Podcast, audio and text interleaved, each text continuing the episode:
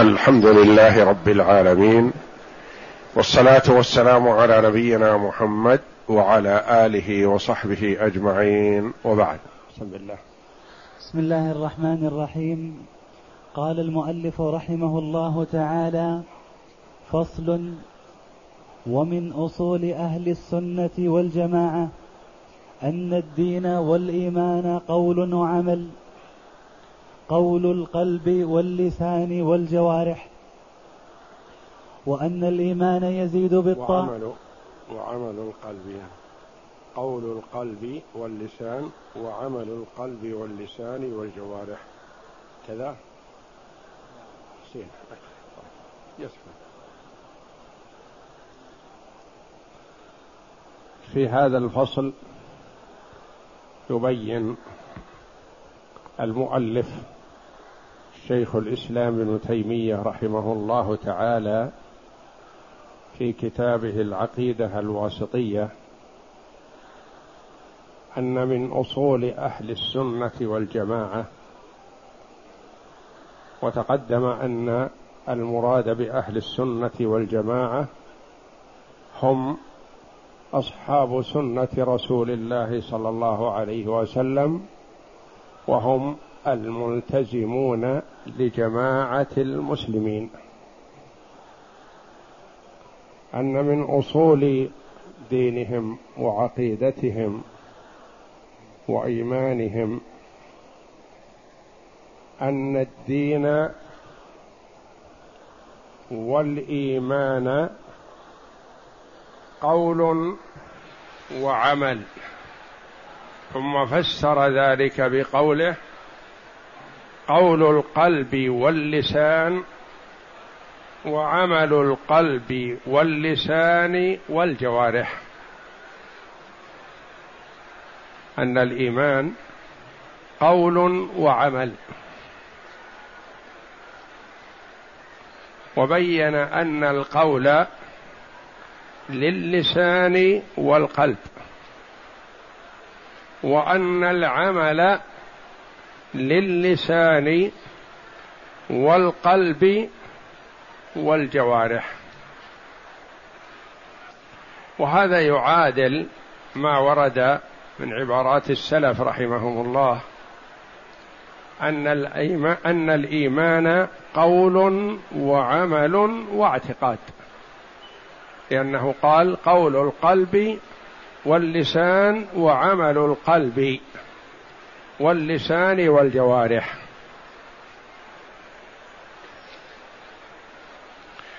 المراد بالدين هنا الدين أتى في القرآن الكريم والسنة المطهرة بأنه الجزاء والحساب.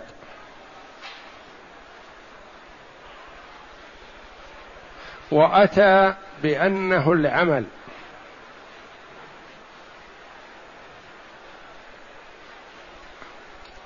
الدين العمل والدين الجزاء والحساب. وكلاهما ورد في القرآن العزيز. فالمراد بالدين الجزاء والحساب ما جاء في سورة الفاتحة في قوله تعالى الحمد لله رب العالمين الرحمن الرحيم مالك يوم الدين. مالك يوم الدين المراد هنا الجزاء والحساب. وجاء مرادا به العمل في قوله تعالى ورضيت لكم الإسلام دينا.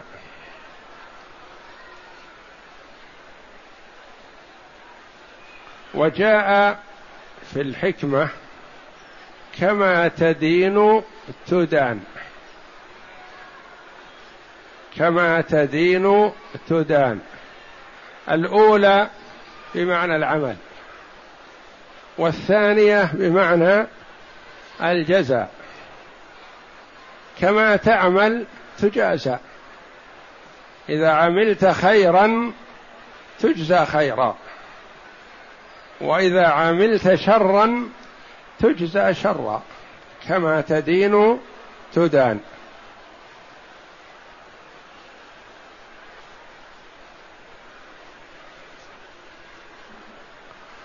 المراد بالدين هنا فيما أورده شيخ الإسلام العمل.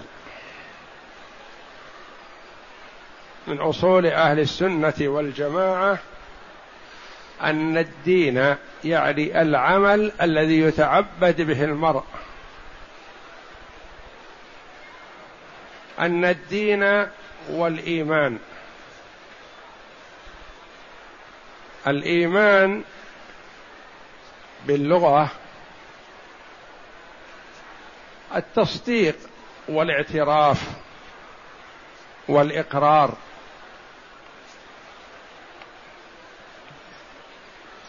وبالاصطلاح ما فسره شيخ الإسلام في عبارته هذا. قول وعمل. قول القلب واللسان. وعمل القلب واللسان والجوارح.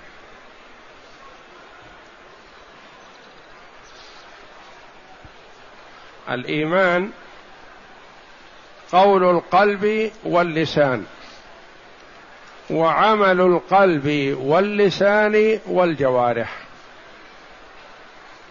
تعادل هذه العبارة الإيمان قول وعمل واعتقاد.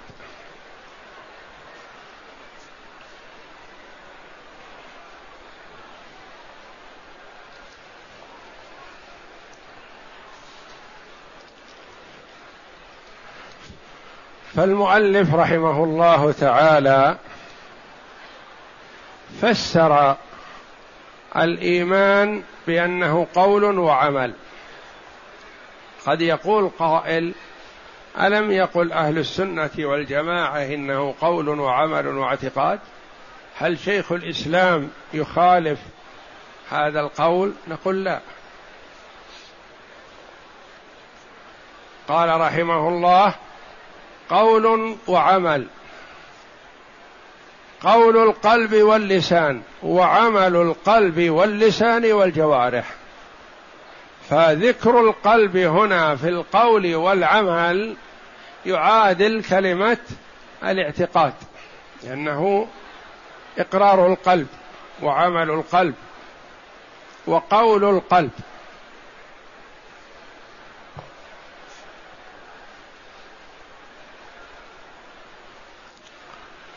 قول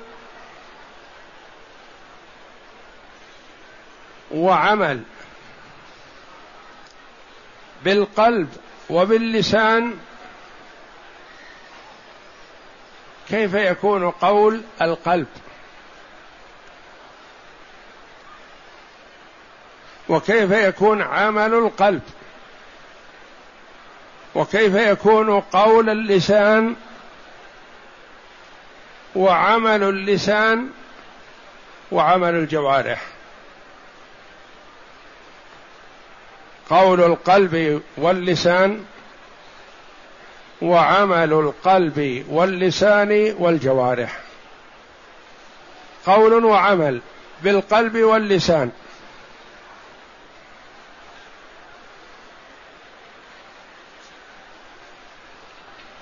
قول اللسان. هذا واضح. شهادة لا إله إلا الله وأن محمد رسول الله. والذكر وقراءة القرآن وتعلم العلم وتعليمه والدعوة إلى الله جل وعلا كل هذا قول اللسان. قول القلب ميزه العلماء رحمهم الله بين القول وبين العمل بالقلب.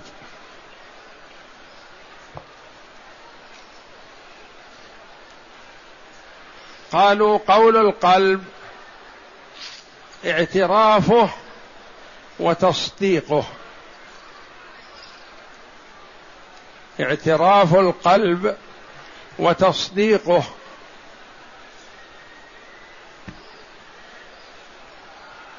وعمله عبارة عن تحركه واتجاهه إلى شيء ما إلى الخوف من الله إلى الرجاء إلى الإنابة. إلى التوكل. كل هذه من عمل القلب.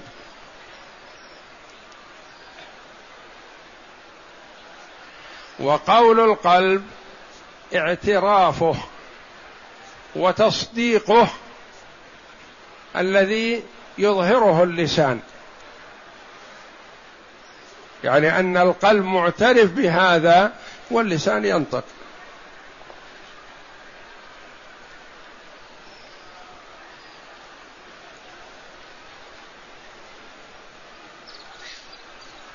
قول القلب واللسان وعمل القلب واللسان. عمل القلب كما عرفنا التوجه إلى شيء ما. توكل خوف من الله رجاء ثواب الله إنابة كل هذا عمل القلب. لأن صرف هذا العمل من القلب لغير الله شرك وكفر. وجعله لله جل وعلا إيمان. إذا كان الخوف من الله جل وعلا فذلك الإيمان. الخوف من المخلوق خوف غير الخوف الجبلي. خوف تضرع وتذلل. هذا شرك. أما الخوف الجبلي من العدو ونحو فهذا ما يلام عليه الإنسان. فرق بين الخوف من المؤذيات أو من الأعداء هذا ما يلام عليه لأن موسى عليه الصلاة والسلام وصفه ربه بأنه قال فأوجس في نفسه خيفة موسى. قلنا لا تخف إنك أنت الأعلى. والإنسان يخاف من الحية ومن العقرب ومن الأسد.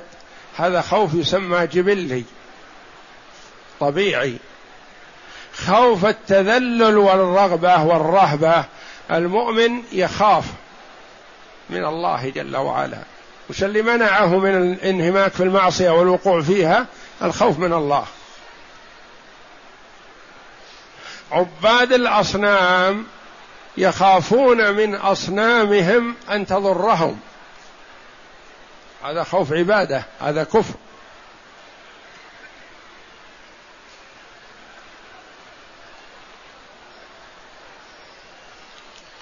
عمل القلب قلنا الخوف والرجاء والتوكل والإنابة وغير ذلك من أعمال القلوب كما يعبر عنها العلماء رحمهم الله. يقال هذه من أعمال القلوب. الخوف والرجاء والتوكل والإنابة والخشية. وكلها ورد الأمر بها بأن تكون من الله جل وعلا ولله تعالى في القرآن. وعمل اللسان. عمل اللسان شيء آخر غير النطق. النطق الصوت الذي يخرج. والعمل حركة اللسان. تحريكه هذا عمل. قد يحرك اللسان ولا يخرج صوت ولا يخرج نطق. يقال نطق يقول لا ما نطق. الأخرس يحرك لسانه مثلا لكن ما يظهر نطق.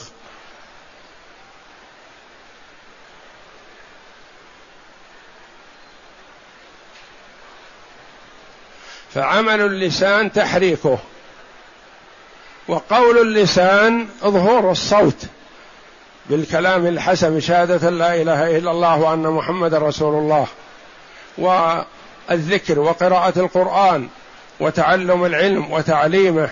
وغير ذلك من الأشياء التي يتكلم بها. هذه تعتبر قول وعمل اللسان تحريكه ورفعه وتنزيله. هذا من العمل.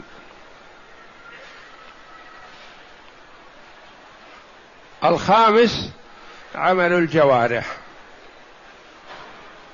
من الصلاة. والركوع والسجود والحج والعمرة وسائر الأعمال أعمال البدن بر الوالدين صلة الأرحام الإحسان إلى الفقراء والمساكين الصدقة هذا عمل عمل الجوارح. المشي مع الجنازة المشي في الدعوة إلى الله جل وعلا. المشي للخروج في سبيل الله للجهاد في سبيل الله وقتال الكفار. كل هذا عمل والصيام عمل.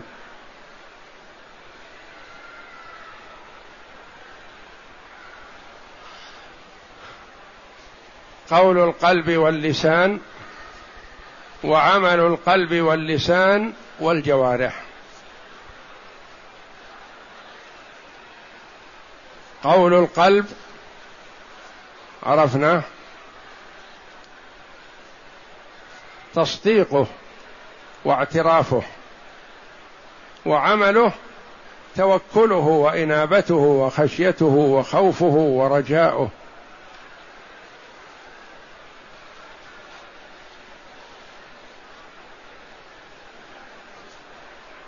وقول اللسان نطقه. وعمله تحريكه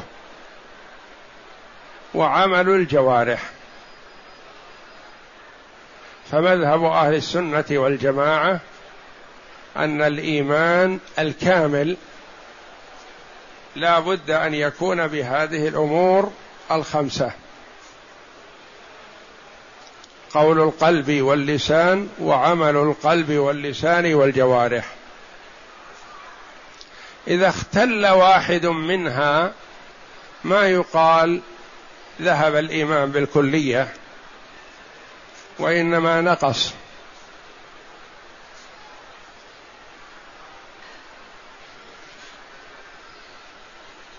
فأهل السنة والجماعة على أن الإيمان قول وعمل واعتقاد. ثم عند التفصيل تقول قول القلب واللسان وعمل القلب واللسان والجوارح. قول وعمل واعتقاد. وهذا هو الحق ولا بد من هذه الثلاثة للإيمان الكامل القول والعمل والاعتقاد. فإن تخلف شيء منها فينقص الإيمان.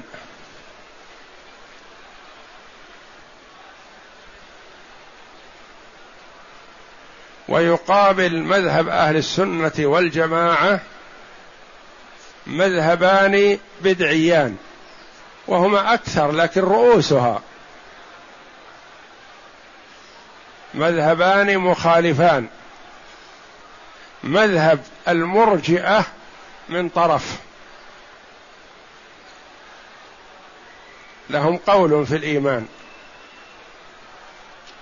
ومذهب الخوارج والمعتزلة من الطرف الآخر. وأهل السنة والجماعة وسط بين المذهبين. لا إلى هؤلاء ولا إلى هؤلاء.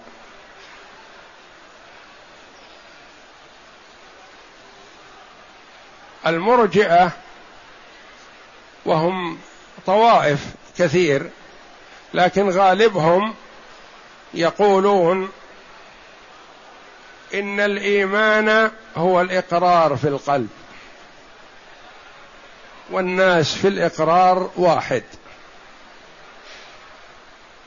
إذا أقر المرء في قلبه بوحدانيه الله جل وعلا ولم يعبد غيره فهو مؤمن كإيمان جبريل ومحمد صلى الله عليهما وسلم وكإيمان أبي بكر وعمر رضي الله عنهما وإن زنى وإن سرق وإن شرب الخمر ما دام مقر بقلبه بوحدانية الله هذا خلاص.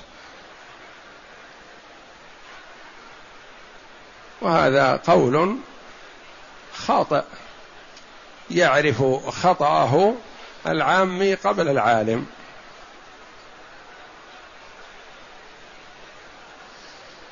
الناس متفاوتون في الإيمان. المرجئة يقولون الإيمان شيء واحد. الناس فيه سواء مؤمن وكافر. من هو المؤمن عندكم؟ من اعترف بوحدانية الله. وإن زنى وإن سرق وإن شرب الخمر وإن فعل ما فعل من الكبائر.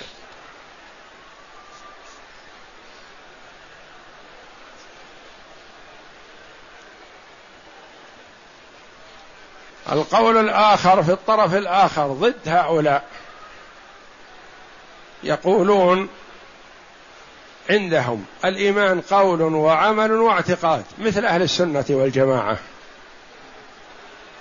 ولا بد من اكتمال هذا. وإذا نقص منها شيء فهو خارج عن الإيمان. يشهد أن لا إله إلا الله وأن محمد رسول الله ويصوم ويصلي ويزكي إلا أنه شرب الخمر ومات سكران. نسأل الله العافية.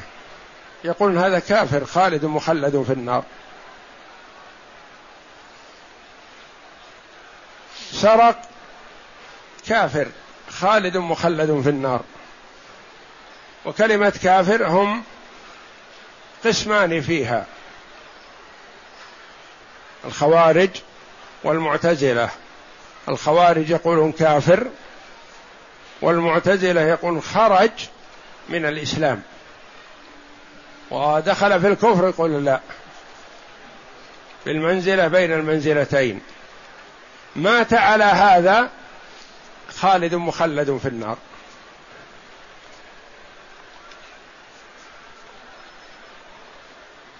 في حال الحياة يقول خرج من الإيمان لكن ما دخل في الكفر. الخوارج يقولون من حين ارتكب الكبيرة من كبائر الذنوب أي كبيرة وأي ذنب عظيم فإنه يكون كافر وخالد مخلد في النار. ولهذا استحلوا دماء الصحابة رضي الله عنهم الذين شهد لهم الرسول صلى الله عليه وسلم بالجنة. اللي قتل علي رضي الله عنه وأرضاه من الخوارج. يرى أن علي كافر. وعلي رضي الله عنه شهد له الرسول صلى الله عليه وسلم بالجنة. فمن كفر علي رضي الله عنه وأرضاه فقد كذب الرسول. الرسول يشهد له بالجنة والشقي يجي ويقول هذا كافر ويستحل دمه يقتله. قتله مستحلا لدمه. قتله يظن أنه يتقرب إلى الله جل وعلا. بجهله والعياذ بالله وانتكاسه.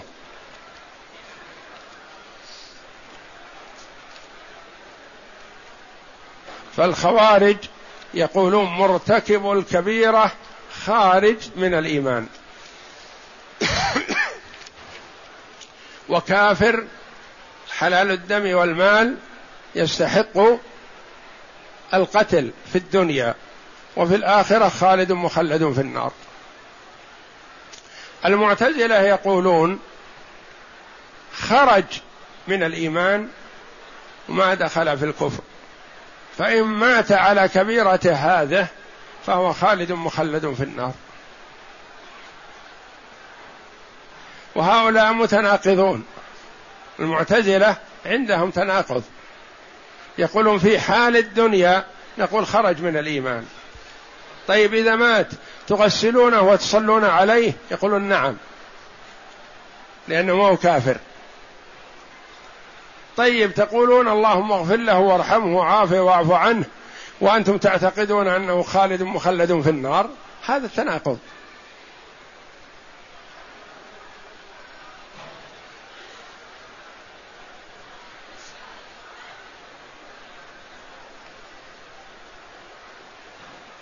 فالمرجئة والخوارج والمعتزلة على طرفي نقيض.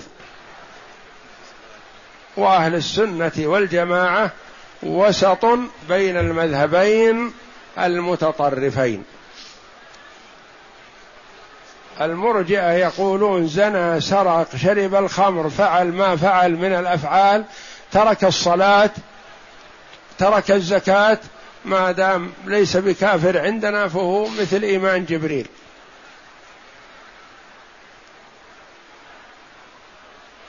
الخوارج يقولون وقع في كبيرة خرج من الإيمان ودخل في الكفر. والمعتزلة يقول خرج من الإيمان ولم يدخل في الكفر. أهل السنة والجماعة يقولون الإيمان عند الناس يتفاوت كما سيأتينا إن شاء الله. هذا في الدرس القادم. أنه يزيد وينقص. ويقولون صاحب الكبيرة ما نخرجه من الإيمان ولا نخرجه من الإسلام. ولا نقول إن إيمانه وهو في كبيرته واقع فيها كإيمان صالح الأمة. لا هذا فاسق لكن مسلم. ناقص الإيمان ناقص الإيمان. فاسق فاسق. خرج من الإيمان؟ لا. وهذا معنى قولهم تحت المشيئة. وتعبير تحت المشيئة هذه كما جاء في قول الله تبارك وتعالى إن الله لا يغفر أن يشرك به ويغفر ما دون ذلك لمن يشاء. ما أتوا بها من عند أنفسهم. يقولون داخل تحت المشيئة يعني إنه صاحب كبيرة صاحب ذنب تحت مشيئة الله جل وعلا كما في الآية الكريمة. إن شاء غفر له من أول وهلة ولا أحد يمنع ربنا جل وعلا من المغفرة والرحمة. يا ابن آدم لو أتيتني بقراب الأرض خطايا ثم لقيتني لا تشرك بي شيئا لأتيتك بقرابها مغفرة. والله جل وعلا يقول قل يا عبادي الذين أسرفوا على أنفسهم لا تقنطوا من رحمة الله. إن الله يغفر الذنوب جميعا. وأمر بالإنابة إليه جل وعلا.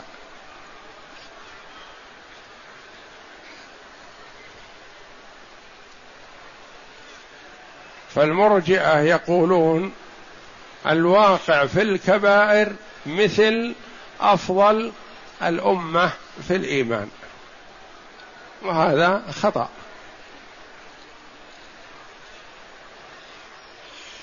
المعتزلة يقولون الواقع في الكبيرة خرج من الإيمان ولم يدخل في الكفر. الخوارج يقولون فاعل الكبيرة خرج من الإيمان وصار كافرا. والطائفتان تقول هو خالد مخلد في النار في الدار الآخرة. أهل السنة والجماعة يقولون صاحب الكبيرة لا يخرج من الإيمان وإنما هو ناقص الإيمان. أو يقال له فاسق.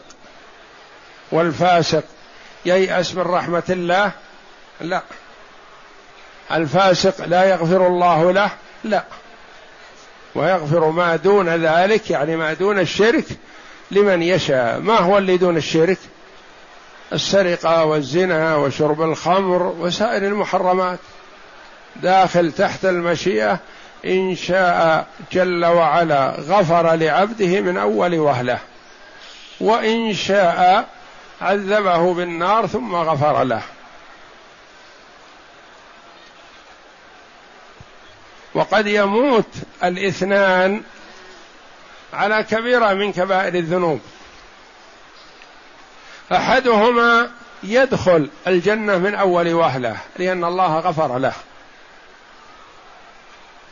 والآخر يدخل النار اولا ثم يخرج منها إلى الجنة لأن الله جل وعلا شاء تعذيبه لما عمله من كبائر الذنوب.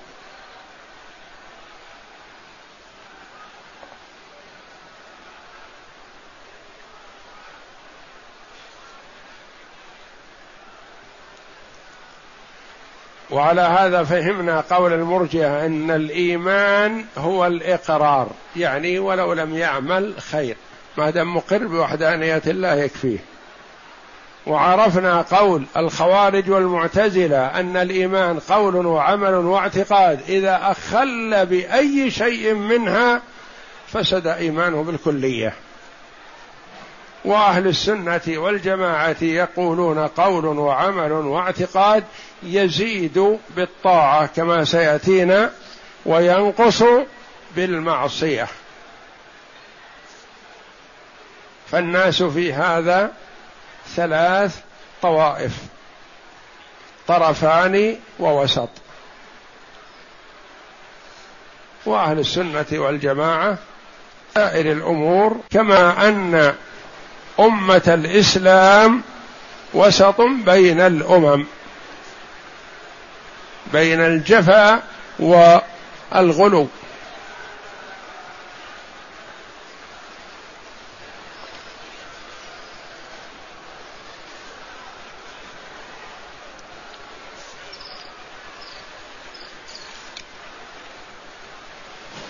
ومما يستدل به على دخول العمل في مسمى الإيمان. قول الله جل وعلا وما كان الله ليضيع إيمانكم. ما المراد بالإيمان في هذه الآية الكريمة؟ هي الصلاة. سمى الله جل وعلا الصلاة التي هي قول وعمل وإخلاص لله جل وعلا بأنها إيمان. وذلك أن النبي صلى الله عليه وسلم حينما كان في مكة يجعل الكعبة